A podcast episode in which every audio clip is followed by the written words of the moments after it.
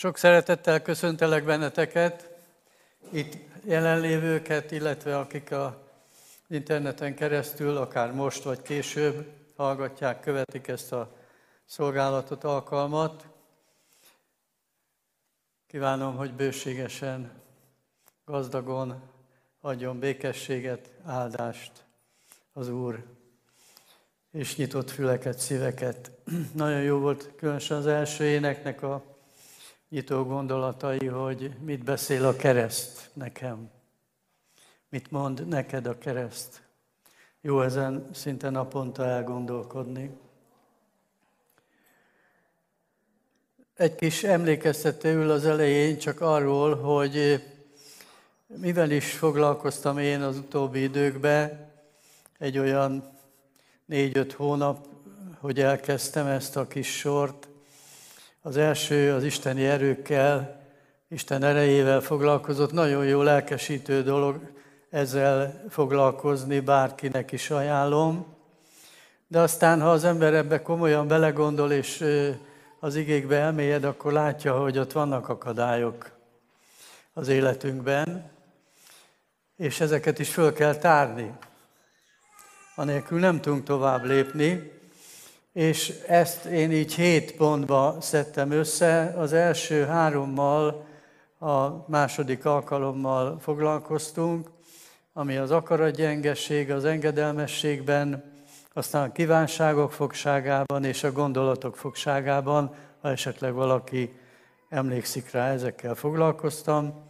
Foglalkoztunk a következő alkalommal a megtévedésekről, illetve a Szent Szellem méltatlan helyéről, volt szó, azaz vele is, de nélküle is. És megtartottam az elején elhangzott igéket vezérigeként, és elsőként az Efézusi levélből a hatodik rész tízes versét vettem elő, és maradok is ennél. Végezetre, atyám fiai, legyetek erősek az Úrban, és az ő hatalmas erejével, azért hagyd mondjam ide hozzá, hogy más fordításban az van, hogy hatalma erejében, tehát itt két dologról van szó, az isteni erőről és az erő gyakorlásáról, ez a hatalom kérdése. Aztán előszedtem a Jobb könyvéből, 36-os részből a 22-es verset, azt, azt mondja itt az egyik jelenlévő, nézd mi felséges az erős Isten. Van-e hozzáfogható tanítómester? Nagyon jó dolog, hogyha ő hozzá megyünk tanításért, mindent világosan föl fog tárni és kijelenteni. Majd végül az Ámos profétának a könyvéből, a hetedik rész, hetes verséből idéztem azt a részt, amikor Ámos proféta látja az urat egy magas kőfal tetején egy mérő eszközzel, egy, és méri a falnak a függőlegességét, ott áll, és méri a falat. Ugyanis ezt rendszeresen érezhetjük, különösen a rendszeresen igen olvasó emberek, hogy Isten megmér minket. Amit építettünk, hogyan is áll az ő szemébe, mivé tud az változni, deformálódni, és mi az, amit vissza kell bontani, és újra kell kezdeni. És most a befejező részben két összefüggő témával szeretnék foglalkozni.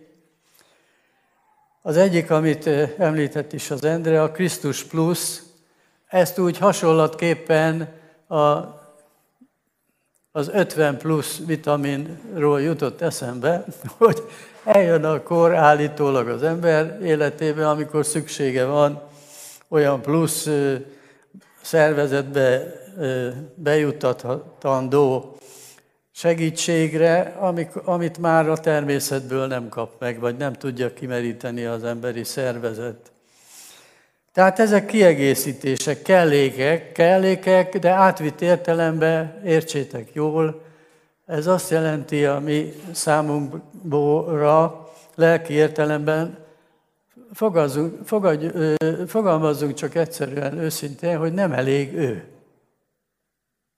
nem elég ő, Jézus Krisztus az Úr. Ezt jó, ha az ember leleplezi magába, és én elkezdtem ezzel foglalkozni, és mondom nektek, ahogy korábban mondtam is, hogy én is csak az úton vagyok.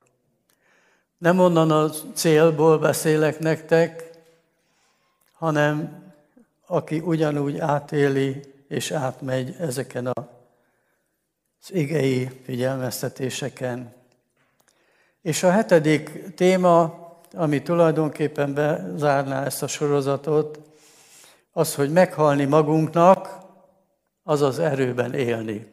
Múlt héten már elég erőteljesen volt erről szó, és ebbe a részbe ezt folytatnám én ezzel, a, ezzel az igével, amit Jézus is mond erről. De miért is foglalkozunk mindezzel?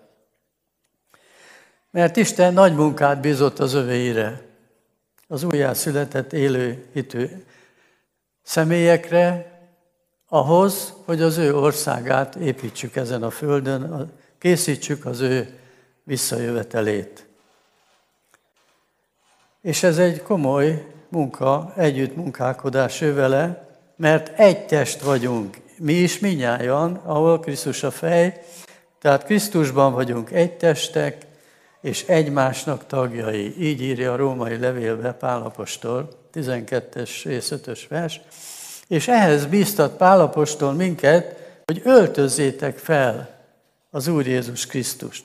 Szükségünk van tehát az ige intésére, biztatására és építésére.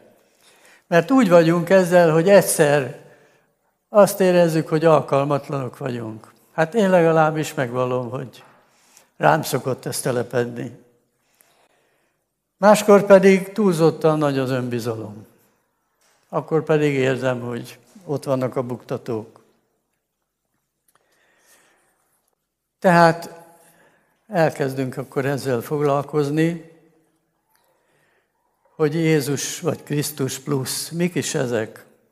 Tehát amikor nem elég az Úr Jézus Krisztus, az Isten fia, a messiás, nem elég a váltsága, véres, kegyetlen kereszthalála, az igaz meggyilkolása értem, akit a bűneim beszennyeztek, és te érted, mi értünk, aki kijelentette a kereszten, hogy elvégeztetett. Azaz minden, minden, ami híja van a mi életünknek, az emberiség fájdalmai, átkok, kötelékek, fogság, szolgaság, háborúk, megtört szív, betegségek, halál, elvárások, sok-sok könny és gyász,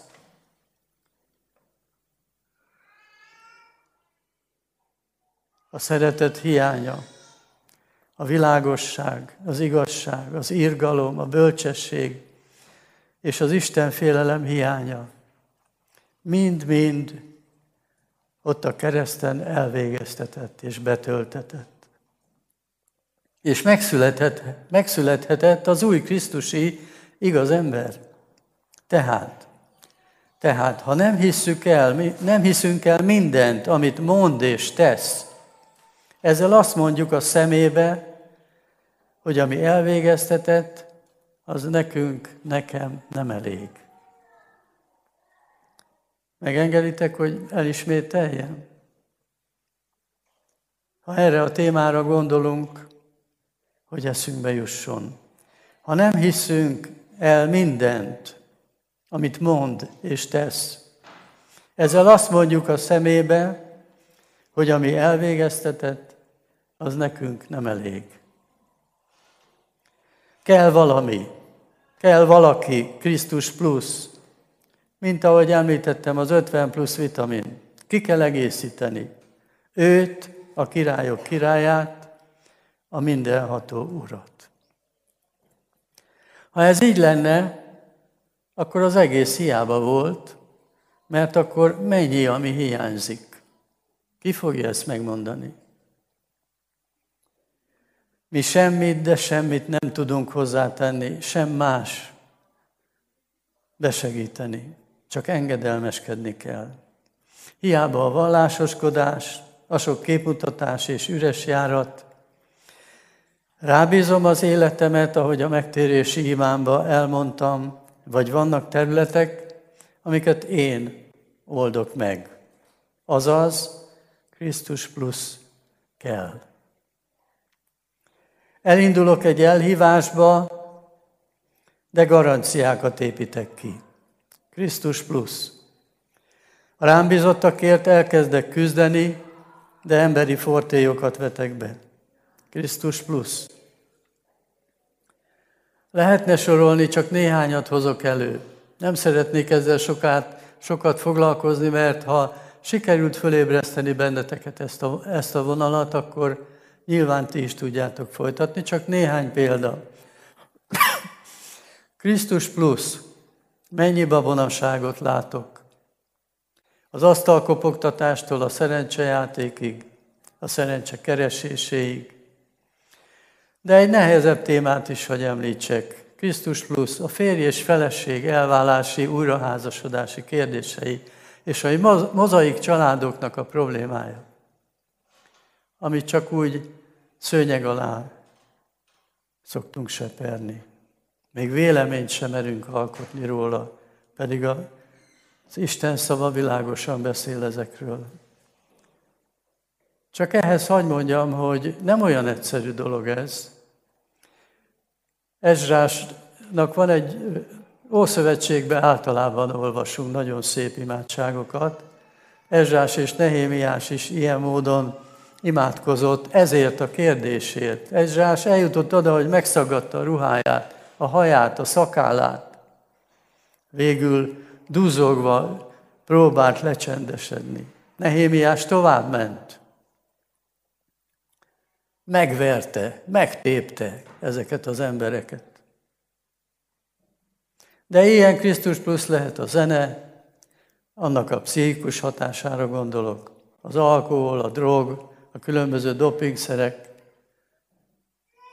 Ismerek egy szemét, aki úgy kerékpározik, illetve kerékpártúrát csinál, hogy, hogy közben két-három óránként bekapja az aspirint, és mellé a Red Bullt egy-egy ilyen kis dobozzal. Hát ez szerintem nem testedzés. Ez a test pusztítása. Ábrándozások, álomvilág, bejárás, technikai eszközöknek való behódolás teljesen. A művészetek önmagukért. Emberek plusz kegyei. Egyszer hallottam egy rádió riportot, és nagyon spontán dolog volt. Egy pappal beszélt a riporternő, és bejött valaki, és hát neve, keresztnevén szólítva mondta, hogy atya, üdvözölte a, az illetőt, és akkor rákérdezett ez a riporternő, hogy hát Jézus azt mondta, hogy senkit ne szólítsatok atyának, mert egy a ti atyátok. És akkor megkérdezte a, a riportalanyt, hogy hát ho, hogy van ez akkor? És nagyon kedvesen válaszolt a riportalany, hogy hát nem tudunk mit csinálni. Krisztus plusz, a munkamánia.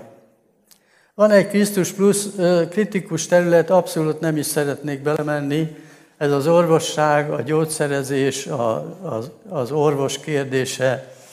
Nem, nem megyek bele, mert mindenkinek legyen a hite szerint.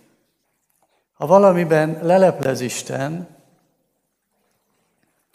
Isten szelleme, akkor leborulás helyett magyarázkodunk. Ez is Krisztus plusz. Augustinusról jegyezték fel, hogy rendszeres imája volt az, hogy szabadítsa őt meg Isten az állandó védekezéstől és magyarázkodástól.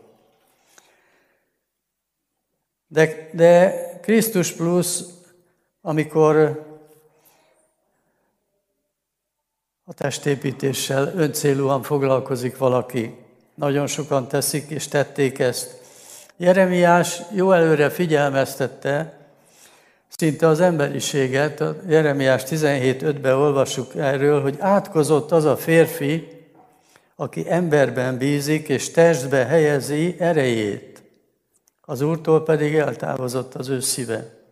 Tehát átok alatt vagy áldás alatt szeretnénk élni. Ne keverjük össze a testedzéssel, persze, ez nem egy oldalú igyekezet. És sorolhatnánk tovább és tovább. Dávid király a 123. Zsoltár második versébe így kezdi, hogy mint a szolgák szemei, uruk kezére néznek. Ez azt jelenti, és utána a szolgáló lányokat is említi, mert akik az Úr kezére néznek, akkor nem kell plusz. Ami onnan jön, az mindenre elég. Csak ő egyedül a Krisztus. Keressem, és keresd meg te is. Mi is, a, mi is az a plusz Krisztus mellett, ami meggyengíti Jézus Krisztusba vetett hitedet, és meglopja az Isteni erőt. A Szent Szellem mellett állok, vagy a test mellett. Vagy itt is, ott is.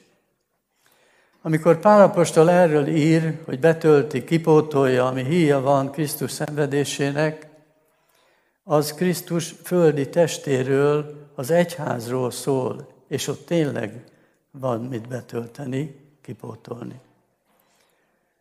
Én itt nem is folytatnám tovább, mert nagyon messzire el lehetne menni ebben, sokat foglalkoztam ezzel, mindenki maga megtalálja ha csak körülnéz maga körül, vagy elgondolkodik, hogy mi is ez tárgyi szempontból is, és lelki értelemben is ez a plusz, amihez még ragaszkodunk. És akkor nézzük a befejező témát, mert kapcsolódik ehhez,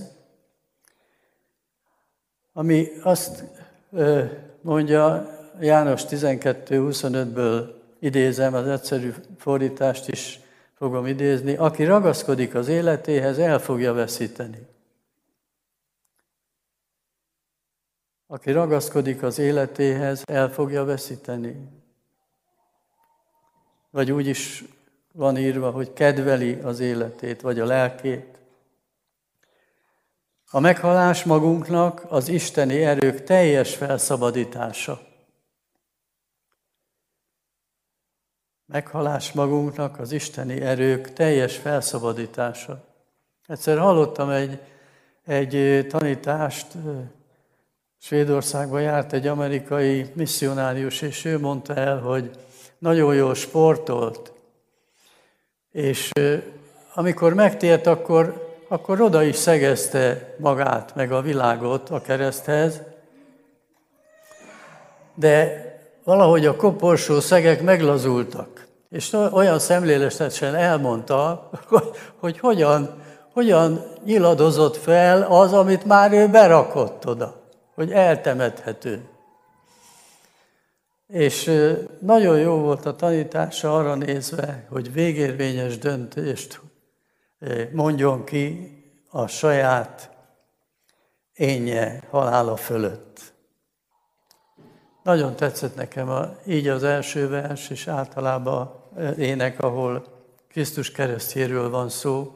Ugyanis azt olvashatjuk, hogy a világnak bolondság az erről való beszéd, de nekünk az Istennek az ereje.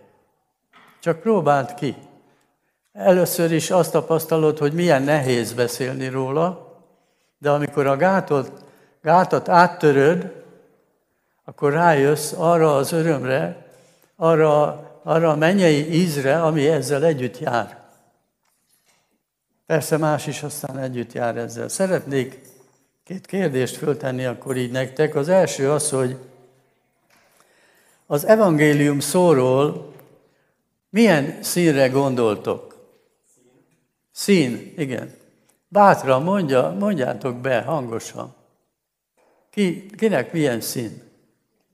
Kék, szép szín.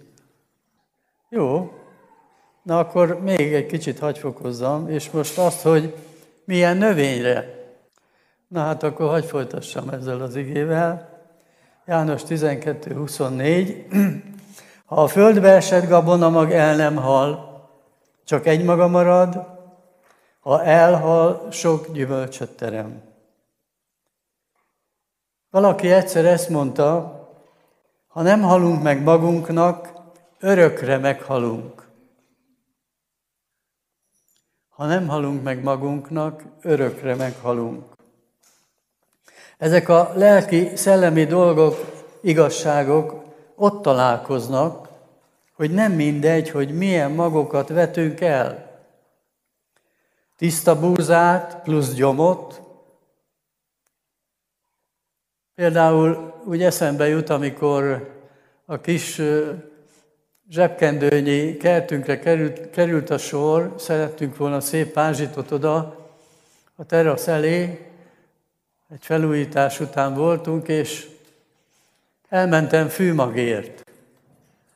És hát megdöbbentem, hogy a 2000 forinttól a 7000 forintig volt, hát most akkor hogy döntsem én azt el, hogy mi legyen. Hát néztem, hogy napos, meg árnyékos helyre mi való, de megkérdeztem a eladót, hogy, hogy hát akkor most mi a különbség ezek között?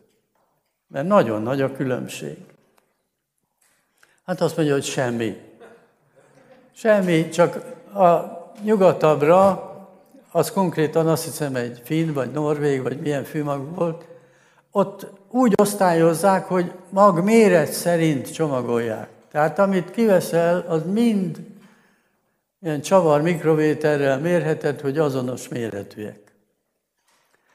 Hát meggyőzött ez a dolog, hát ezért nem fogok ennyi pénzt kiadni, hogy egyforma legyen. Viszont mi lett az eredmény? Tele volt gazzal. Szépen kinőtt a fű is. Nem, nem, meg volt takarítva. Előzőleg, tájékozottunk, hogy hogy kell rendbe tenni a talajt előzőleg, tehát minden ilyesmi megtörtént, és szépen jött a gaz is, meg a fű is. Hát ezt csak azért mondom, mert minden egyes tevékenységünkkel, legyen az beszéd, érintés, tettek, gondolatok, indulat, lelkület, még egy tekintet, vagy egy mosoly is, mind meg annyi mag, amit elvetünk. Ami ki kell, és azt aratjuk le, azt kell learatnunk. Ez a szellemi törvény.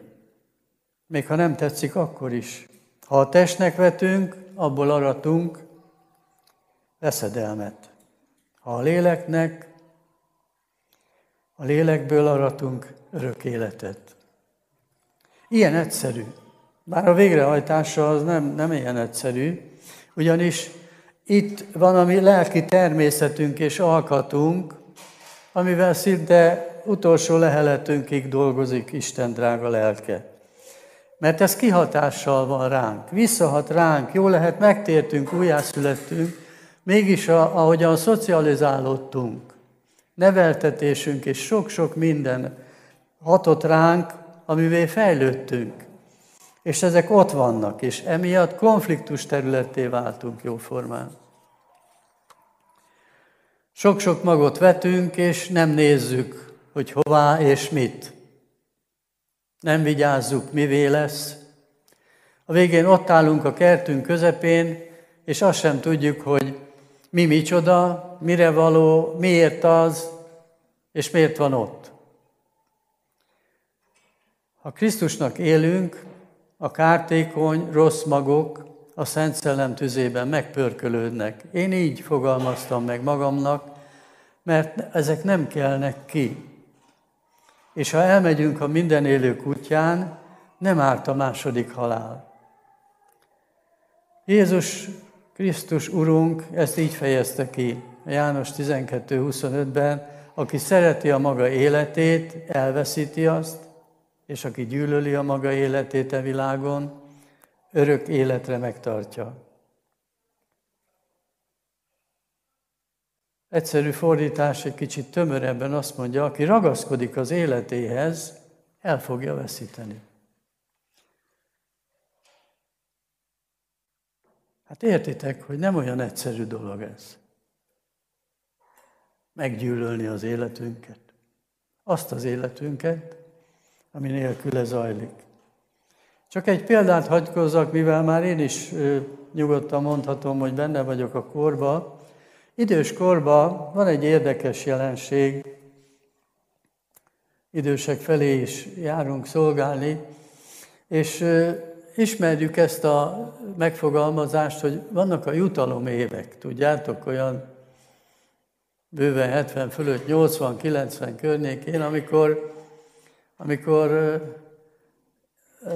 beszélek személyekkel, és olyan derű árad az ő szívükbe, pedig tudom, hogy mennyi minden van már híja a testük működésének, és azt mondják, hogy hát, tudod, ezek már jutalom évek. Tudod, kik mondják ezt, az ilyesmit? Kiktől hallhatod? Akiknek az utolsó percig van szolgálatuk. Megtalálják.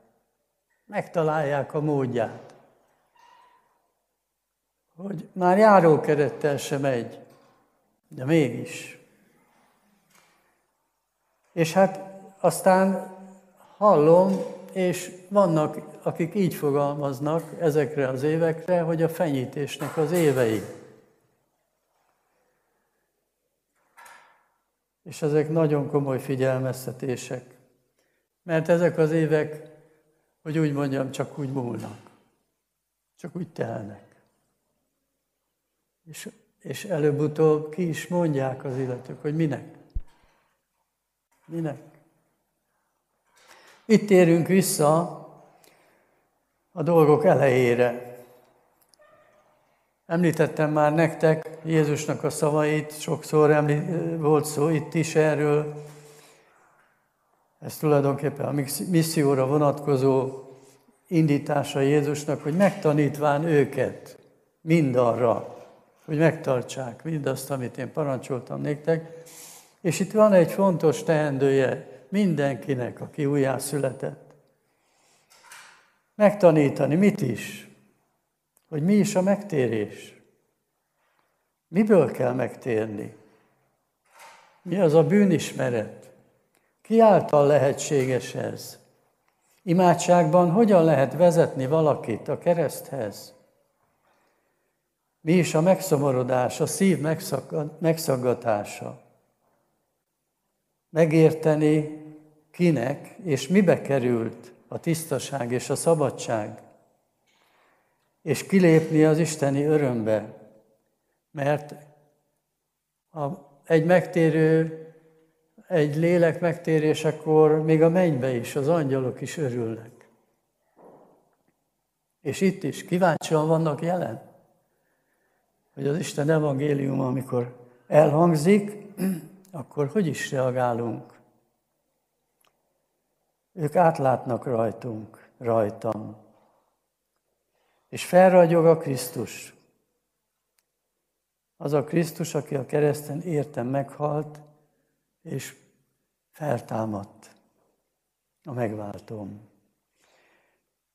És aztán kimondani a biztató szót, ne félj, eredj el békében, menj el és többet nem étkezzél, megbocsátattak a bűneid a megerősítés.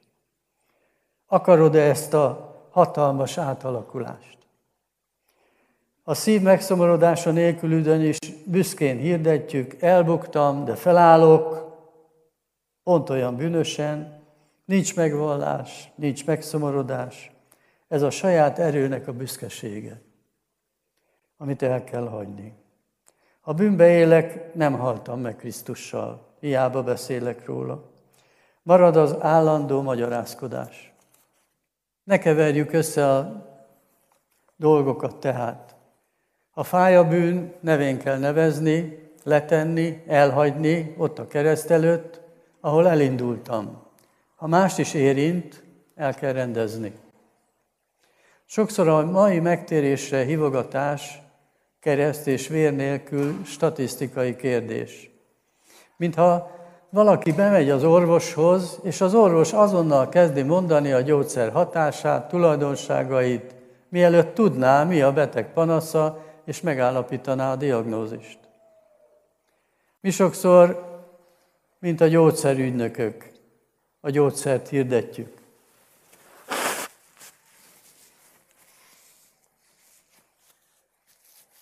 Annak alkalmazását, hatásait, nincs diagnózis, a beteg megismerése, megértése. Feltárás kell, bűnismeret kell, a szív összetérhetése kell, megvallás, ima segítség, és a többi a Szent Szellemnek a dolga.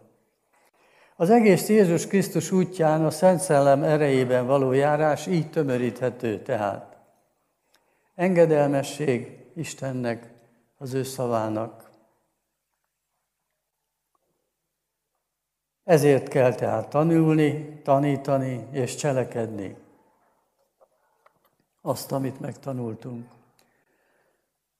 Tehát az önfeladás, ez tulajdonképpen egy nagyon sokrétű tartalom, és így lesz ez egyenlő három nagyon fontos belső értékkel, a tisztasággal, a szabadsággal és a boldogsággal, amit én úgy is apostrofálok, úgy említem, hogy a Krisztussal való közösséggel. Ezek azok a kincsek, amik miénk lehetnek. Keresztelő János ezt így fogalmazta, a Máté 3.2-ben olvassuk, tartsatok bűnbánatot, más helyen térjetek új felismerésre, mert elközelített Isten országa. Ez olyasmi, mint a lelki szegénység állapota, azaz boldogok, akik felismerik, hogy szükségük van Istenre, és ő megáldja azokat, akik tőle függnek. Ez nem harc, hanem bizalom kérdése.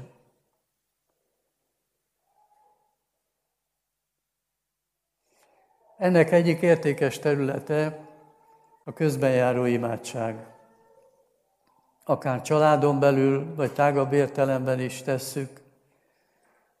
Ennek nagyon komoly, drága gyümölcsei vannak.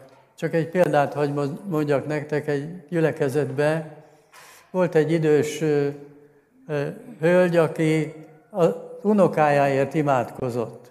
Éveken keresztül. Végül is az unoka szépen felcseperedett, de nem volt látható eredménye az ő imádságának. De mielőtt meghalt, érezte, hogy át kell mennie a túloldalra, akkor megkérte egy gyülekezeti testvért, szintén egy idősebb szemét, egy férfit, hogy folytassa az ő könyörgését ezért a fiatal emberért. Ő hűségesen folytatta, mindig nevén megnevezte az Úr előtt, és éveken keresztül imádkozott érte, még nem 20 egy néhány éves korába el nem ért ez az illető,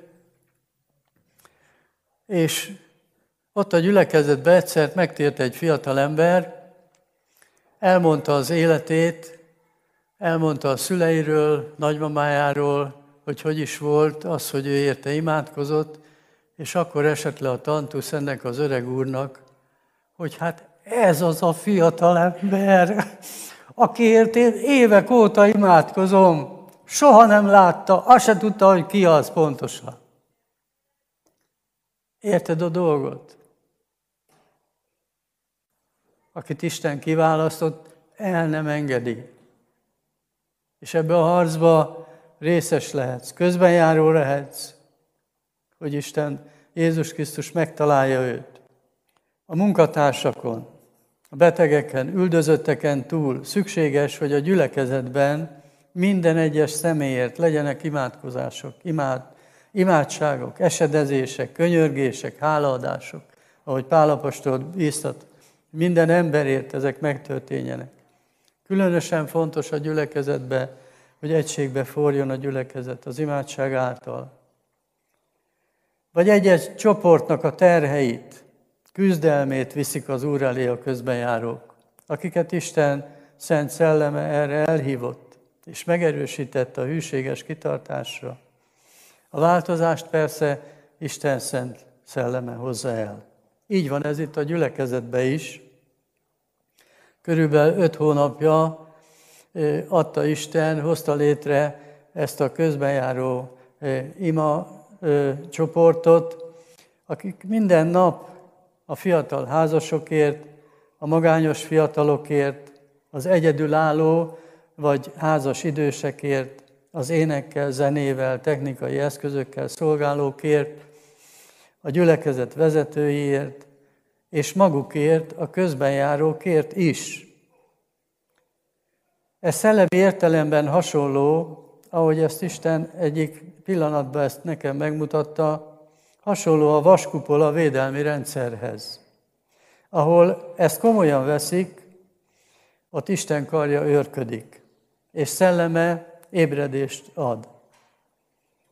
Pár hete találkoztunk, találkozott ez a kis 11 fős csoport, egy valaki nem tudott csak eljönni, mindenki hálával és örömmel számolt be a tapasztalatairól. De hogy mondjam el nektek azt is, hogy volt egy gyülekezeti konferencia, csak újjászületett személyek voltak ott, jó sokan, és hát a, a délelőtti alkalmon után ö, volt szekció ö, ülés alkalom is, divatos témákba. A legtöbben természetesen, mit gondoltok, melyik témára jelentkeztek? Hát a kommunikáció. És volt olyan téma is, hogy imádság. Berendezve egy kisebb, a közepes méretű szoba, tele székekkel. Három ember volt jelen, egy idős testvérnő a helybeli gyülekezet részéről, és két másik személy egy távolabbi városból. Ilyen is van. Tanúságul. A fáj a bűn, nevén kell nevezni.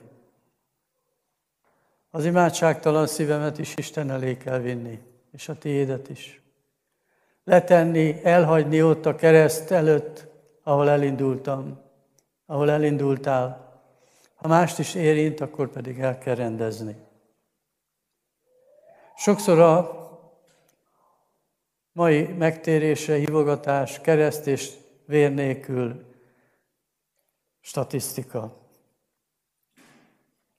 ahogy említettem. Ha van isteni erőd, áldott vagy. Van világosságod, rajtad van az Úrnak a neve, rajtad van az Úrnak a neve. Az ő védelme alatt vagy. Van békéd, van örömöd, veled van az isteni szeretet. Ez az ároni áldás tartalma egyébként, amikor a fal függőleges, a mérőzsinór mellett nincs eltérés, és árad az isteni erő és a kijelentés. Nehéz idők jönnek, szükséged lesz a hitre, az erőre és az isteni szeretetre. Hát ne tétovázz, lép bele a folyóba, ahogy énekeltük. Amen. Úgy legyen.